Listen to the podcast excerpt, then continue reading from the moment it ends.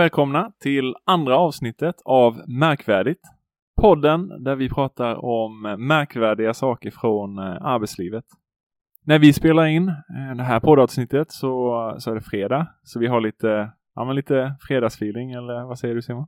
Ja, verkligen. Vi har plockat fram eh, fika och Ja. ska försöka smaska så lite som möjligt här mellan inspelningen. Ja, vi får försöka med det. Och ja, får väl se när du lyssnar på avsnittet och när vi släpper avsnittet.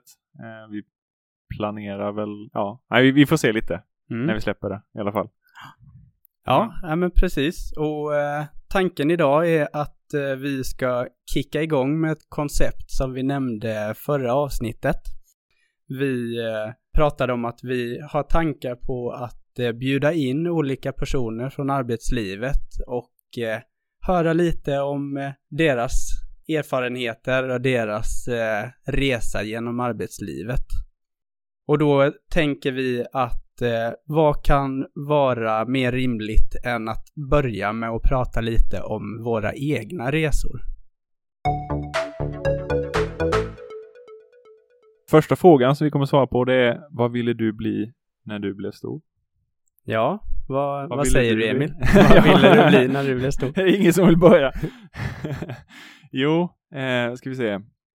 Alltså, ska jag vara helt ärlig så visste jag inte riktigt det. Jag tror inte riktigt jag tänkte de tankarna riktigt. Jag vet att många snackar om, ah, men jag, jag vill bli astronaut eller jag vill bli eh, brandman eller polis eller så här. Men jag, i alla fall när jag var alltså liten, väldigt liten, typ under tio eller så, då kommer jag ihåg, jag tänkte inte riktigt de tankarna typ. Nej, det är roligt att du säger det, för det, jag har suttit och, och tänkt på den här frågan för att preppa inför dagens avsnitt, men jag har inte heller kunnat komma på någonting specifikt. Alla andra de säger, jag ska bli polis, jag ska bli brandman, men jag, jag hade inte heller någonting eh, spikat. Nej. Nej. Vid något tillfälle vet jag, eller under, under en viss tid så kommer jag ihåg att jag tänkte att ja, men jag ville bli ingenjör. Sen visste jag inte Mm. vad ingenjör var, men min, min farsa är ingenjör liksom. Så då tänkte Mm. jag att ja, men det, det vill jag med bli. Jag menar jag har alltid, alltid typ byggt med, byggt med lego och byggt koj och, och varit ute och fixat och byggt grejer, typ snickrat och sånt här. Så att det var väl eh, på något vänster det i alla fall under en viss Det period. var menat men outtalat. Ja men precis, det var aldrig så här eller sällan så här bara, ja men jag ska bli ingenjör. Utan, Nej. Hur såg det ut senare i livet då? När, när du började skolan, när jag tänker högstadiet, gymnasiet, hur, hur utvecklades dina tankar där? ja, alltså när man, när man tog valet mot gymnasiet så var det ju, eh, då valde jag ju teknik, alltså alltså tekniskt Mm. gymnasie. Men det var nog mer snarare för att det var en väldigt bred högskoleförberedande linje liksom. Inte Ja. typ egentligen för att jag kände att, ja men jag ska bli ingenjör, tror jag inte. Nej, vi, vi är lika även på den punkten. Det, jag gick ju också teknik på Mm. gymnasiet och det beslutet var egentligen ett sånt här sista sekunden Mm. beslut. För, för jag var helt inne på att jag skulle plugga hotell och restaurang och satsa Ja. på att bli kock. Men sen tänkte jag just det att, ja men teknik, det är brett och bra. Det, det är ett sätt kan man säga att, att slippa välja Ja. vad man ska bli så pass tidigt. Eftersom att Ja. då kan man Ja, plugga brett riktigt, alltså. och få väldigt många valmöjligheter längre fram. Liksom. Och jag vet, jag kommer ihåg, jag tänkte med, för jag höll på en del med musik. Så jag spelade lite gitarr och eh, trummor och sånt. Väldigt, väldigt generellt, alltså så lite av allt typ. Mm. Så jag kommer ihåg, jag tänkte med estet var en sån grej som jag funderade på lite. Ja. Nej, det är spännande. Mm. Undrar vad man hade varit idag om man hade satsat på musiken eller på eh, kockkarriären. Ja, det är en bra fråga. Det för oss ju egentligen till nästa delen av eh, våra liv där vi sammanstrålade något. Ja. Som ni kanske förstår så sökte ja, både jag och Simon till högskolan. Eh, och fast jag vet inte hur det var för Simon, men jag, jag eh, läste eller sökte ju både eh, spe, civilingenjör spelutveckling, civilingenjör i IT-säkerhet, civilingenjör maskinteknik Mm. och sen någonting som näst, jag tror det motsvarar på sätt och vis men civilingenjör i typ produktdesign eller något sånt där. Ja. Och det var ju inte bara här, för, för då sökte jag de, de tre första där. Det är ju på BTH i Karlskrona, Mm. eh, där vi, ja, sedan hamnade, men mer om det alldeles strax, så, eh, så sökte jag också en eller två utbildningar då i Luleå tror jag det var. Mm. Så det var inte helt säkert att, att jag ens skulle fortsätta här nere liksom. Nej, nej, jag var, jag var väldigt spretig där jag med. Jag, för det första så, så hade jag inte siktat in mig på att det var maskinteknik jag skulle syssla med framöver, utan jag var väldigt sugen på att jobba med någon typ av arkitektur. Mm. Så jag vet att jag sökte, så kommer jag ihåg att jag tänkte så här att civilingenjörslinje, Mm. det har ju alla pratat om i, på, på gymnasiet, eller egentligen hela livet, att Ja, det är smäckigt. det är svårt att bli och då får man verkligen Ja. plugga rejält för att komma in på något sånt. Ja, precis. Jag hittade civilingenjörslinjen i maskinteknik, den vi, vi slutligen Ja. valde att gå på, båda två. Och eh, tyckte att det här var, det var egentligen den civilingenjörslinjen som tilltalade mig för att man kunde se, ja, med delarna med produktutveckling och med CAD, att det, Mm. var, det var någonting man kunde se och ta på ja, det. till skillnad från de lite mer diffusa varianterna som Mm. de andra är. Ja, men typ IT, att det är liksom, ja men det är Ja. kod och sen så är det något digitalt liksom. Ja, precis. Det känns ju som att varken du eller jag hade Nej. riktigt full koll på vad det var man, eh, man ville bli som sagt och vad man gav sig in på när man, när man sökte. Men Nej, det absolut inte. känns verkligen som att ju längre tiden gick och speciellt när vi började vår master så Mm. klarnade verkligen för mig att det här är någonting som jag Mm. vill syssla med. Och att Ja, jag kände med det när vi kom in på mastern. Ja. Innan dess så var det ju, det var ju väldigt tufft i början Mm. med eh, all fysik och matte. Och sen tror jag på det med när man, eh, finns det liksom inte den här bra motivationen? Alltså om man, om man nu, liksom Mm. utgångspunkten söker på måfå Ja. och vet inte riktigt. Och sen så blir man så här presenterad med all den här matten och, Mm. och, och det så, så är, det, är det, ju, det är ju tufft. Det är det Ja, absolut. Jag kan verkligen. tänka mig att, eh, att det hade varit lättare om man hade känt bara fan det här, det Mm. här vill jag göra liksom. Om, Ja. det var, om du förstår vad jag menar, Om motivationen man hade var... vetat riktigt att det, det är dit Mm. jag ska nå liksom. Ja och- men precis. Och sen så när vi började gå in mer mot eh, innovation och produktutveckling och hållbarhet och så här, och lite mindre matte och, och fysik så kände jag precis som du sa att eh, det var mer rätt. Mm. Vad hände sen kanske ni tänker? Ja. Hur hamnade vi här? Vi gjorde ju examensarbete tillsammans Mm. och eh, det var väl egentligen där allt började skulle jag vilja säga. Ja. Vi, eh, vi satt ju ofta uppe i ett så här projektrum kan man säga. Ett, ett projektrum för maskinstudenter på BTH. Mm. Eh, och så satt det eh, två andra där som gjorde examensarbete också. Och det var väl när vi, när vi satt där liksom och, och höll på och märkte att ja men fan, det är tid över. Vi, är Mm. liksom, så här, vi, vi har ju lite tid här när man har jobbat sina typ åtta timmar liksom. Så satt vi oss och då, då var det ju faktiskt, det var ju inte ens du eller jag. Nej. Utan det var en annan person som Shoutout Viktor. Shoutout till Viktor ja. ja. Som eh, kom med idén egentligen att ja men fasen vi skulle starta bolag. Mm. Och jag kan väl erkänna att jag har tänkt tanken många gånger.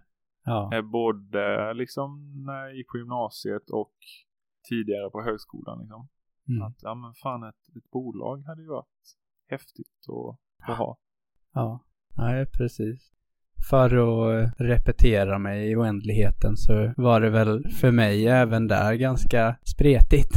Att jag visste inte exakt vad, vad jag ville jobba med Nej. eller även om jag visste att den här, detta området var Ja. där jag hörde hemma så, så hade jag inte riktigt koll på vad man kunde bli eller vad, Ja. exakt vilken roll som skulle passa mig där ute. Så Nej, det, precis. det kändes ju som ett ypperligt tillfälle att ta saken i egna Mm. händer och skapa någonting eget. Ja. Vi började ju starta bolag med tre personer och så startade vi ett handelsbolag. Det var ju inte lika, du behöver inte lika mycket kapital. Faktum är att det var liksom, Nej. det är ju bara registreringskostnaden på typ, jag vet inte vad det var, 3000 spänn eller någonting. Ja, något sånt.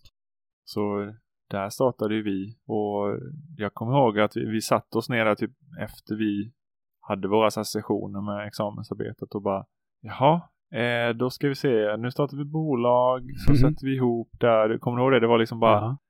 helt blankt. Det var, vi började med första steget. Jaha, vad ska vi göra? Yes, då, då startar vi bolag och då behöver man göra det, det, det, det. Det är ju verksamt.se superbra ju. Ja, Alltså, verkligen. Det är så här, Bolagsverket for dummies. ja, till och med vi kunde starta bolag. Nej, men eh, ja, du, du, du förstår vad jag menar. Att vara, Mm. ja, Men jag kommer ihåg det att Viktor nämnde ju det här med att fasen vad häftigt det hade varit att starta ett eget bolag. ja, Men i början så kändes det som mer som någonting som man drömde iväg lite och sa Ja. oh, ja det, det kan vi göra. Ja, det, ja, fasen vad häftigt. Men eh, allt eftersom tiden gick så, så blev det mer och mer eh, men verkligt, verkligt, ja. liksom. ja, precis. Tills vi till slut tog steget och, och kickade igång det. Ja, men precis. För det var ju, det kändes mer som en hobbygrej. Och det var det ju på sätt Ja. och vis. För vi, eftersom vi gjorde examensarbetet på, på dagen liksom. Och sen så Mm. var det antingen innan eller efter. Så var det alltid att vi höll på med det. Ja, Och det var ju precis. sådär, ja men jag kommer ihåg det, så när vi hade startat så, ja då ska vi då ska vi ha visitkort och Mm. tröjor. Det var ju massa fokus på det istället för att faktiskt eh, Ja, göra någonting med bolag, alltså skapa business liksom. jo, precis. Vi, det var väl det. Vi visste att vi ville skapa något eget, men vi hade inte riktigt landat i vad vi skulle göra. Nej, vi visste ju inte. Kommer du inte ihåg vi satte oss ner när allting var startat så bara, ha, eh, vad ska vi, vad ska Ja. vi göra nu då? Alltså så här, så man behöver ju, alltså till alla er där ute som kanske funderar på att starta bolag. Om ni bara känner att, ja men, fasen jag vill starta bolag, ja men gör det då. Det kan ju vara superbra, även ifall det liksom aldrig blir någon business, att man faktiskt Mm. förstår hur ett bolag fungerar, hur det registreras och ja men hela den biten, alltså man lär sig mycket på det i vilket fall. Och det är ju Mm. någonting som egentligen vem som helst kan göra. Absolut. Sitt varför är väl grunden till, till drivet i slutändan, men det, det är verkligen som du säger att om man aldrig tar första steget så Nej. kommer det aldrig någonsin Nej, bli nej, något. Då, då vet man aldrig vad som kunde blivit. Nej men precis. Vi satt ju med en eh, sån här utvärderingsmatris med våra olika Ja, idéer som vi satte betyg på Ja. en skala från 1 till 5 eller 1 till 10. Hur, Ja, ja, olika fakturer. Ja, kost, faktorer. Kostnad för starta. Hur attraktivt tror vi det är på marknaden Ja, och hur, hur lätt är det typ, att här, komma igång. tid tar det innan Ja, tjäna precis. pengar. Och då, och då landade vi ju egentligen, vi hade en jäkla massa idéer. Mm. Kanske vissa bättre än andra. Ja, Men då, då landade vi ju i att det, det lättaste, speciellt någon med liksom tre personer som är utbildade eh, inom maskinteknik eller liksom har en högskoleutbildning i alla fall. mm. Att, ja men fasen sälja den kunskapen. Så då var det ju, det blev ju lite av en konsultverksamhet. För då behövde vi ju inga pengar egentligen. Det enda vi behövde, det var bara att nå ut till kunder. Och visst, det är ju en kostnad i sig. Det är ju en sån här eh, ja, eh, cost acquisition. Nej men så här, du vet. Ja. Det kostar liksom att marknadsföra sig och nå ut och... Eh, och tiden kan Ja, man säga precis. indirekt. Men det sen är tid var ju verkligen, någonting vi hade då, Ja. på sätt och vis. vi var den enda resursen Mm. egentligen som behövdes. Ja. Så då började vi jobba lite som konsulter och det vi var väl lyckligt lottade att vi hade några liksom få kontakter redan från början annars vet i Mm. fasen om vi hade hade lyckats med det liksom. Alltså så här det, det var ju väldigt trögt utan det var ju så här vi kände vi kände något bolag eh, eh, sen studietiden som vi hade lite kontakt med Mm. och Snubblade över ett bolag som var bolag. Ja. väldigt öppna för att testa på. Trodde på oss som personer Mm. skulle jag tro snarare än på vår erfarenhet Ja, som men inte precis. existerade. Det var ju, ja, det ska gudarna veta. Alltså även ifall man har studerat i fem år. Det är ju, det är nog väldigt vettigt att ändå vara väldigt ödmjuk och, Mm. och inte gå ut och tänka att nu är jag färdig. Det, det är liksom då det börjar snarare. Nu har man förutsättningarna Mm. för att, att lyckas. Så jag tror, jag tror, vi är väl fortfarande väldigt naiva. Ja. Men eh, eh, då var vi nog, ja, då hade vi rekord. Tror jag. ja. Nej, men så Nej, verkligen. Med också att vi, vi var väldigt duktiga på att hitta styrkorna i vad, mm, vad som folk kanske annars ifrågasätter. Som vi, ja vi sa att vi var oformade och nytänkande eh, direkt från skolbänken liksom. Ja, precis. Vi hade inte jobbat med någonting så vi... Nej, man hade inte hunnit formas. Nej, men precis. Och det var ju alltså... Jag vet inte om vi hade satt det i sten då. Jag tror först det bara var, ja men vi ska jobba som eh, konsulter. Så, Mm. ja, då, då gör vi det liksom. Sen visste vi inte vad vi skulle konsulta inom. I alla fall inte exakt så. Nej, Vi, vi snackade ju om att ja men CAD är ju någonting som vi kan som, och det, och det såg man ju mycket på annonser och så här, att man sökte mm. konstruktörer och CADare kan man ja. kan man kalla det så. Eh, så det var ju någonting, men sen så landar vi ju i det här med och, jag tror det, det anknyter lite till eh, de här, den här säljpitchen som, som du målar upp nu med punkter liksom att ja, men det här med innovation och eh, att hjälpa Mm. företag med innovationer, innovationsprocesser. Alltså det var ju någonting som vi, vi gick igenom en hel del på, på BTH. Ja, Och eh, det var ju många företag som inte jobbade med de, vad ska man säga, cutting edge, de här lite mer mm. nya, liksom pyrfärska forskarmetoderna eh, som vi Ja. fick lära oss. nej, precis. Så det var också ett sätt att sälja in som vi, som vi jobbade med liksom. Mm. Men det blev ju ofta så att man blev en, eller var en kon- konstruktör, typ produktutvecklare, eh, som nyttjade eh, innovationsprocessen eh, snarare än att man eh, Ja, så här gick in och precis. bara så här körde den och jag vet vi hade tankar om det i alla fall att ja men vi skulle ju kunna sammanställa team till ett projekt och, Mm. och se till att lära dem använda de här metoderna. Kommer ihåg vi snackade om sånt. Men det Ja. blev väl aldrig riktigt av. Utan det var ju snarare så att Nej. vi kom ut och, och nyttjade dem som konstruktörer. Ja, Och senare också så var jag ute med, med projektledar no, grejen precis. där liksom. Och då samma sak lite att försökte använda de akademiska, Mm. ja. Ja, vi, vi använde väl kanske de här begreppen som de var vana med att höra i, ute i näringslivet. För det är svårt att sälja in någonting som de aldrig rört vid tidigare. Nej men Så precis. det känns som att vi sålde in oss med någon slags grund i traditionella begrepp som konstruktör, eh, Ja. projektledning. Men för att kunna nyttja det som kanske egentligen var vår spets med innovation och design thinking och Mm. Ja, de det var bitarna. lite som en så här, det, man fick det på köpet. Ja, här, precis. när, vi, när vi kom ut som konsulter. Ja, Det var ju, ja.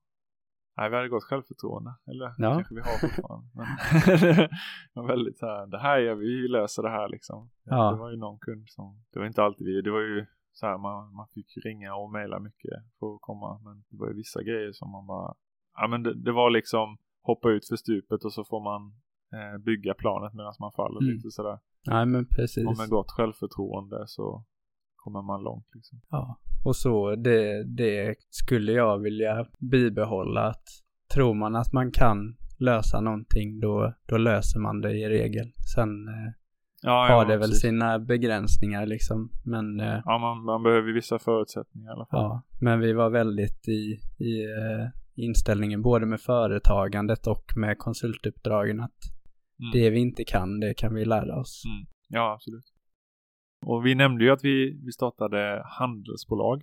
Som sagt var vi tre stycken då och drev det. Jobbade som konsulter. Men sen efter, vi tog examen 2017. Eh, och efter sommaren där bara så, så var vi bara två. Ja, Så det var ju, vi hade ha- det här handelsbolaget då som hette Volitionary. Så du och jag, vi, vi fortsatte ju kriga på och jobbade lite som konsulter och vad var det nu? Vi, vi sa väl, alltså jag för mig, jag vill minnas att vi sa att ja men vi testar året ut och ser Ja. lite, ja men kan vi, får vi någon slags traction så, så kan vi fortsätta. mm. Och då snackade vi också om AB. Så jag minns att vi fortsatte kriga eh, och sen så i oktober, november eh, 2017 så kände vi att ja men nu har vi fått, tror vi hade tre kunder eller något sånt där. Mm. Eh, som inte nödvändigtvis var återkommande men eh, vi, vi hade kunder liksom. ja, Eh, Så då sa ju vi att ja men vi startar AB istället. mm. Men sen fortsatte vi ju därifrån. eh, Så det var ju i slutet på 2017 och så det var i den slängen där som vi sökte till Blekinge Business Incubator, alltså en inkubator här lokalt Mm. som vi gick med i i början på 2018. Och där kan jag ju tillägga att vi jag kommer ihåg vi tänkte vi tänkte innan vi gick med att fan nej, de ska, vi kan det här, vi kan. Och eh, de vill säkert ha ett an, en andel i bolaget och så vidare. Mm. Men så här efterhand så är det ju typ det bästa som har hänt vårat bolag i Ja, historien, förutom att starta, Mm. skulle jag vilja säga. För att eh, i, alltså inkubatorer som finns runt om i, i Sverige, de är ju statligt finansierade och finns ju för dig där ute som Mm. vill starta bolag och som vill ha en skjuts i, i den Ja. karriären liksom. Med enda syfte att hjälpa till Ja. och, och eh, göra allt de kan för att lyfta dig egentligen. Ja, och ditt ja, företag. Ja, och nu vet ju inte jag hur det ser ut på andra inkubatorer, men det lär ju vara liknande att du, eh, Mm. du betalar ju egentligen en, en mindre typ, eh, vad ska man säga, eh, bara en, en summa för eh, service eller vad man kallar det liksom. Ja, och, och subventionerad subventionerad avgift. summa, ja liksom. Och då får ju du Mm. kontor, kaffe, eh, papper, skrivare, internet. Eh, och, och, och det här är ju bara materiella saker. Sen får du ju också all den här coachingen. Mm. Eh, en egen dedikerad coach fick ju vi. Ja. Eh, som, är inte så, som inte bara var till oss förstås, men som, som fanns till för att hjälpa oss ändå, alltså och andra bolag. Ja, precis. Och tillgång till coacher som ja, är experter inom alla möjliga områden inom ekonomi och Mm. marknadsföring och Ja, ja, ja. all den kunskapen är ju ovärderlig för ett nystartat bolag. Ja, visst är det så. Så jag, så jag kan, ja, jag kan varmt rekommendera att om du vill driva bolag så sök dig till din lokala inkubator för det lär finnas en i närheten. Mm. Och finns det inte så kan du flytta till Karlskrona. söka, ja, söka här nu. Eller uppe, beroende på var du är någonstans. ja. Men eh, vi hade ju en idé. Hade Mm. vi ju. När vi sökte till inkubatorn. Så vi, vi var ju inte ett konsultbolag. Det var ju en sån här big no-no. Mm. eh, att man skulle vara ett konsultbolag. Eh, så vi, det hette inte drömuppdraget då. Nej. Utan jag tror vi, vi hade bara en idé som vi kallade studentakuten, tror jag det var. Och den var ju egentligen en av, eh, en av våra gamla idéer Ja. från när vi startade bolaget. Ja men precis. I någon form i alla fall. Ja men precis. Och, och då var tanken att, ja men som vi sa, att ja men när vi var ute i industrin och när vi pluggade så kände vi att vi kunde bidra med Mm. mycket mer. Det var ju liksom det som var grundtanken. Mm. Och att vi kände att det fanns en dålig koppling emellan högskolor och företag och eh, ja, men st- studenterna liksom och företagen också. Mm. Direkt så. Eh, och det var ju där vi började. Det var egentligen bara den idén. Ja men vi vill. Det var ju nästan en sån här vision Ja. egentligen. Alltså så här, det var inte en, nödvändigtvis en, en idé. Så här, så här ska det genomföras. Utan det var mer. Ja men det här vill vi åstadkomma. Vi vill Ja, skapa en precis, bättre Ett koppling. högre mål. Ja, men precis. Så det var ju det vi kom in med. Sen tror jag de tar ju in entreprenörer på inkubatorerna baserat mycket på team. Mm. Så de gillade väl oss gissningsvis. Jag, jag, vill hoppas det. de ju, Det var bara idén som... det var bara visionen där som var, eller vad man nu ska kalla det. Mm. Ja. Så, så det var ju det vi gick in med Mm. egentligen. Det var ju inte drömuppdraget, så här ska vi göra. Liksom, här är våran businessplan, 20 sidor. Nej. det är ju, ja. Så vi, så vi började ju, vi var ju väldigt, eh, vad ska man säga, blinda. Så här för vi, hur vi skulle åstadkomma det. Ja. Väldigt så här, jaha, Mm. vad ska vi göra nu? Men det var ju en del av det vi fick genom inkubatorn också. Sen, sen har vi ju våra innovationsprocesser, eh, så här, hur, hur man går ifrån en vision eller typ eh, ramar till en, en färdig produkt liksom. Mm. Så vi har ju ändå en pro process i ryggen där från, från högskolan. Men det var ju där vi jobbade och det var ju väldigt iterativt. Så Mm. vi, jag minns inte vad det första var. Jag tror, det sjuka är, tror jag att det första var någonting i stil med, ja men vi vill ha en app där Ja. man kan gå in och så kan man så här lägga upp jobb och söka jobb. Väldigt grundläggande. Jag tror inte ens vi visste mer än så, typ nästan. Nej. Nej, väldigt enkelt. Ja, ingen eh, rejäl tanke kring en Nej. eh, bakomliggande affärsplan eller, nej. Eller någonting egentligen. Nej, och, och det var ju det som var det fina med inkubatorn också. Eh, nu tror jag, nu fasen vad jag höjer inkubatorer här. det, Och dagens avsnitt sponsras av. ni kan skicka pengarna. Nej. Nej men eh, det är ju det som är fint med inkubatorn med att du kan gå in och, och liksom, du behöver inte ha någonting som är färdigt utan du kan Nej. faktiskt utveckla någonting Så en del av det vi, vi lärde oss och som vi haft med oss då som högskolan det är ju det här med att jobba iterativt och jobba med prototypes, jobba med eh, Mm. ja, men testa idéer egentligen. Alltså det är Ja. det, alltså att man inte, för, för det finns ju så här, det kanske är lite en sån här konservativ grej, men att, ja men, du vet den här tanken om uppfinnaren, liksom att man ska ha, oj, snilleblixt, här är en superbra idé och sen kör man på den Ja, och genomför, Mm. förstår du vad jag menar? Ja. Att den där, och så är det ju inte riktigt i verkligheten, utan det är ju, man har en idé och sen förändras den idén. Mm. Man kanske har samma grundtanke, men man kommer på, nej men så här ska man göra istället. Mm. Så, Ja, alltså att man jobbar iterativt med det.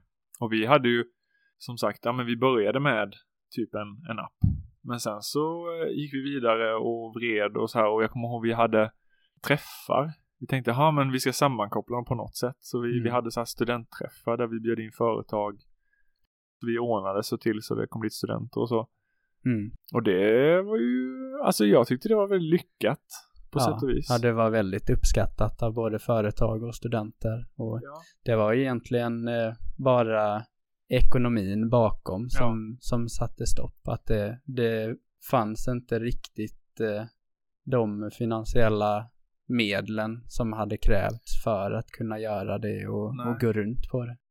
Och därtill så var det ju egentligen så att eh, även om studenterna var väldigt glada i träffarna och tyckte om att komma dit så hade vi väl inte den maximala påverkan. Vi kunde inte hjälpa Nej. hela vägen fram till ett Nej, uppdrag så som vår första ambition hade varit utan då var det, ja man, man fortsatte med sin Mm. skolgång men man kan gå och käka lunch en gång i månaden och Ja. kanske hitta ett företag som man kan jobba hos i framtiden.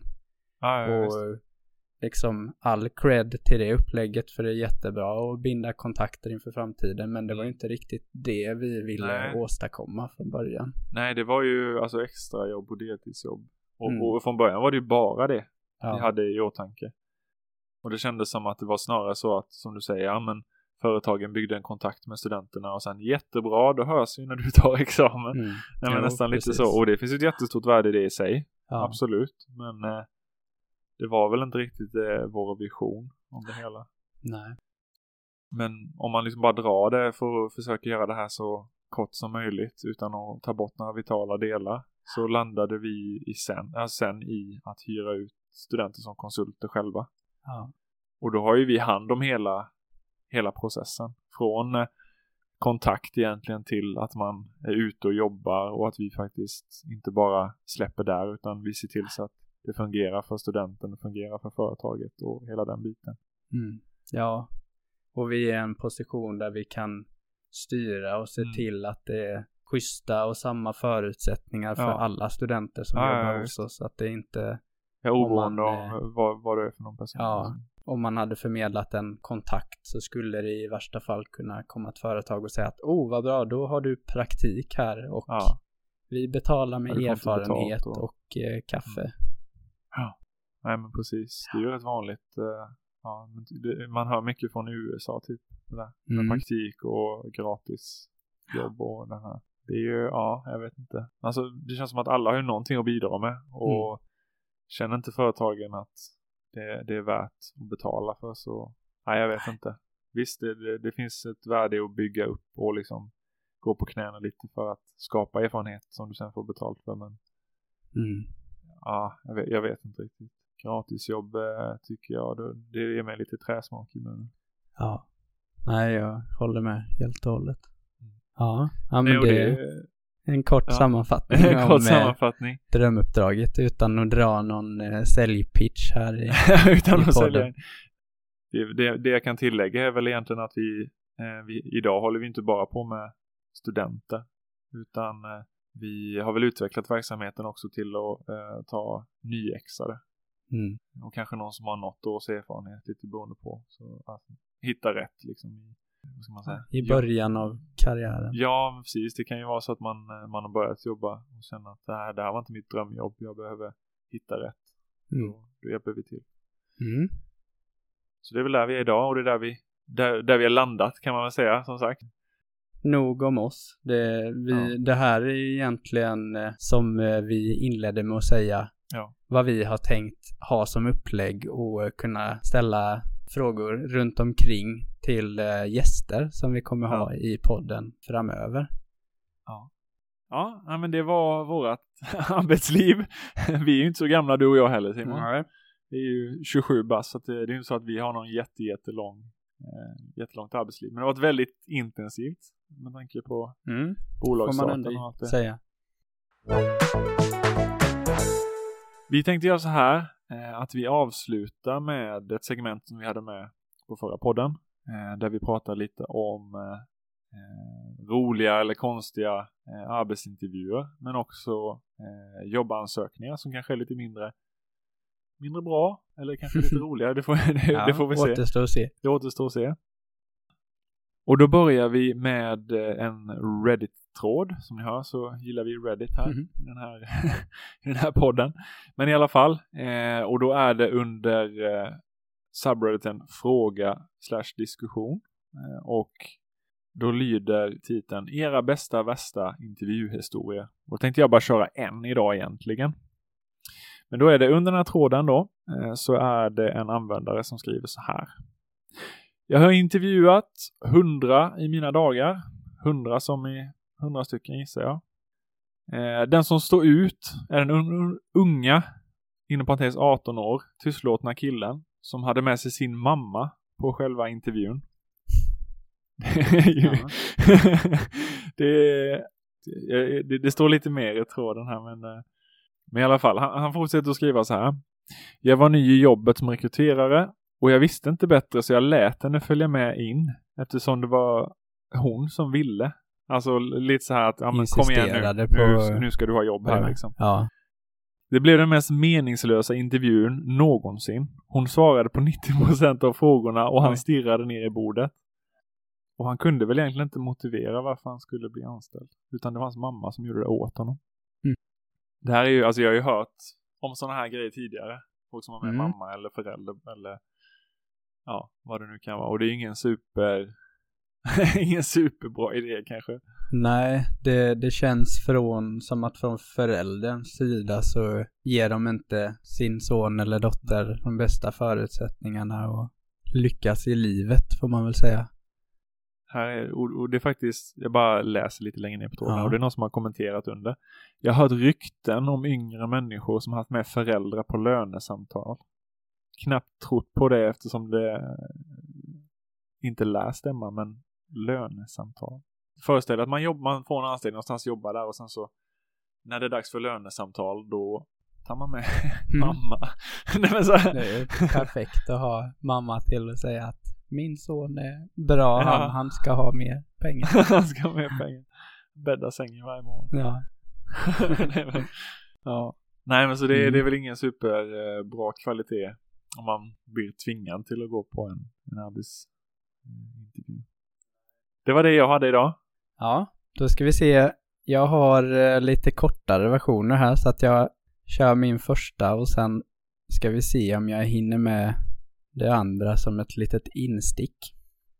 Då för att eh, göra det lite målande både för eh, dig och lyssnarna som inte kan se bilden jag har framför mig så är det en ansökan till ett jobb som är skriven med eh, bokstäver som är skakiga och i väldigt olika storlek. Ungefär som man, Oj. som man skrev när man var sex år gammal. Jaha. Eh, och det står som följer. Kära Mr Tucker. Ansökan för chef.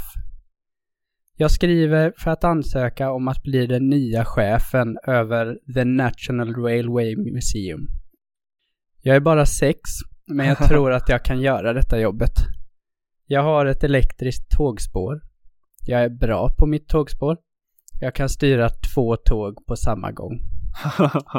Och så finns det en eh, bifogad bild på en liten unge med, eh, jag vet inte vad det är han håller upp framför ansiktet. Man har bra simultankapacitet. Ja, det är inte illa. Det vet Och jag inte om jag hade fixat. Nej, Styra två tåg på samma och gång. väldigt bra självförtroende. Mm. Nu är det nog inte läge att sätta in honom på det här jobbet, men Nej. det låter som en kille som kommer gå långt. Ja. Han kan vara så här interim eh, eh. Kan gå in när Ja. det liksom behövs. Ja, men precis. Styra tågen i museet. Typ. Sen har jag eh, en till ansökan eller en mailkonversation kan man säga. Som eh, jag inte behöver gå in och läsa hela för det, de nämner egentligen ingenting speciellt i själva ansökan. Men då är det först en kille som har skrivit till en eh, arbetsgivare. Han har skrivit eh, en, ett långt stycke med flera meningar i eh, olika glada färger. Han börjar med röd, sen blir det lila och grönt, gult. Eh, och, men i, typ. ja, men i det stora hela en, en eh, helt normal ansökan och Ja. motivering till varför han tycker att han skulle passa för jobbet. Ja. Sen längst ner så har chefen svarat på mejlet och bara skrivit så här. Snälla förklara varför du gjort eh, regnbågens alla färger i ditt mejl. Vad Och- skrev han? Till svar så har den här killen skrivit. Jag ville att de viktigaste detaljerna skulle sticka ut. Punkt. Ja. Ja, och därtill så missförstod jag vad du eh, menade när du eh, pratade om att jag skulle göra mitt meddelande lite mer färgglatt. Det är väl ett engelskt intryck, men adding color to the message är ju ja, att göra det målande, kan man Ja, säga. Ja, men det, det kan Men man då, då har den här tagit det bokstavligt Väldigt talat och bokstavligt. Slängt in eh, regnbågsglada stycken. Ja, det är underbart. Den sista jag har tagit med mig där är egentligen bara ett stycke med någon som har sökt och skrivit en väldigt ordentlig ansökan men eh, bifogat sitt CV så vitt hon vet eller tror. Men längst ner i mejlet så är det en stor eh, bild på en grimaserande Nicolas Cage. Han råkar skicka en Som- eller någonting. Ja, som, som råkade ha ett liknande filnamn som CV som hon skulle skicka iväg. Ja. Nej shit, det är sådana små grejer som faktiskt kan göra stor skillnad. Ja, Både positivt och negativt. ja precis. Det, det kan göra kanske landar, landar jobbet. Ja. Se nedan, jag har bifogat mitt CV. Anställer du mig kommer du få massa roliga bilder. Ja. Ja. Ja, nej det var det jag Ja. plockade med mig idag. Yes, men då, eh, då tror jag vi eh, stänger ner eh, fabriken för dagen här. Mm. Och vi som har gjort podden Märkvärdigt idag, det är Jag, Simon. och jag, Emil. Och och är det så att du vill komma i kontakt med oss så finns vi numera på sociala medier på att eh, märkvärdigtpodd. Är det så att man vill mejla oss så kan du nå oss på hejatdromuppdraget.se. Då ses vi nästa gång. Ha det så bra! Ha det.